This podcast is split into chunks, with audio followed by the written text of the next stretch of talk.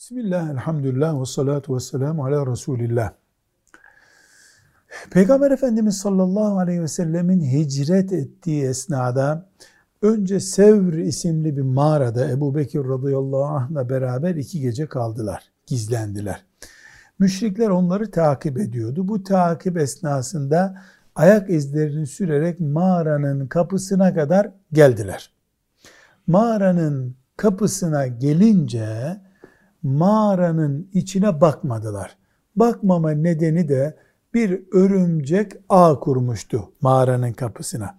Buradan yakın bir zamanda bir insan girse bu örümcek burada yuva yapamazdı. Çünkü bir gün beş günlük bir şey bu düşündüler. Bu örümcek olayı doğru mudur? Yani örümcek orada ağ yaptı da onun için müşrikler aldandılar, giremediler. Doğru mu? Burada iki cevabımız var. Birincisi Ahmet bin Hanbel'in Müsned'inde 3251 numaralı bir hadis bu. Doğru.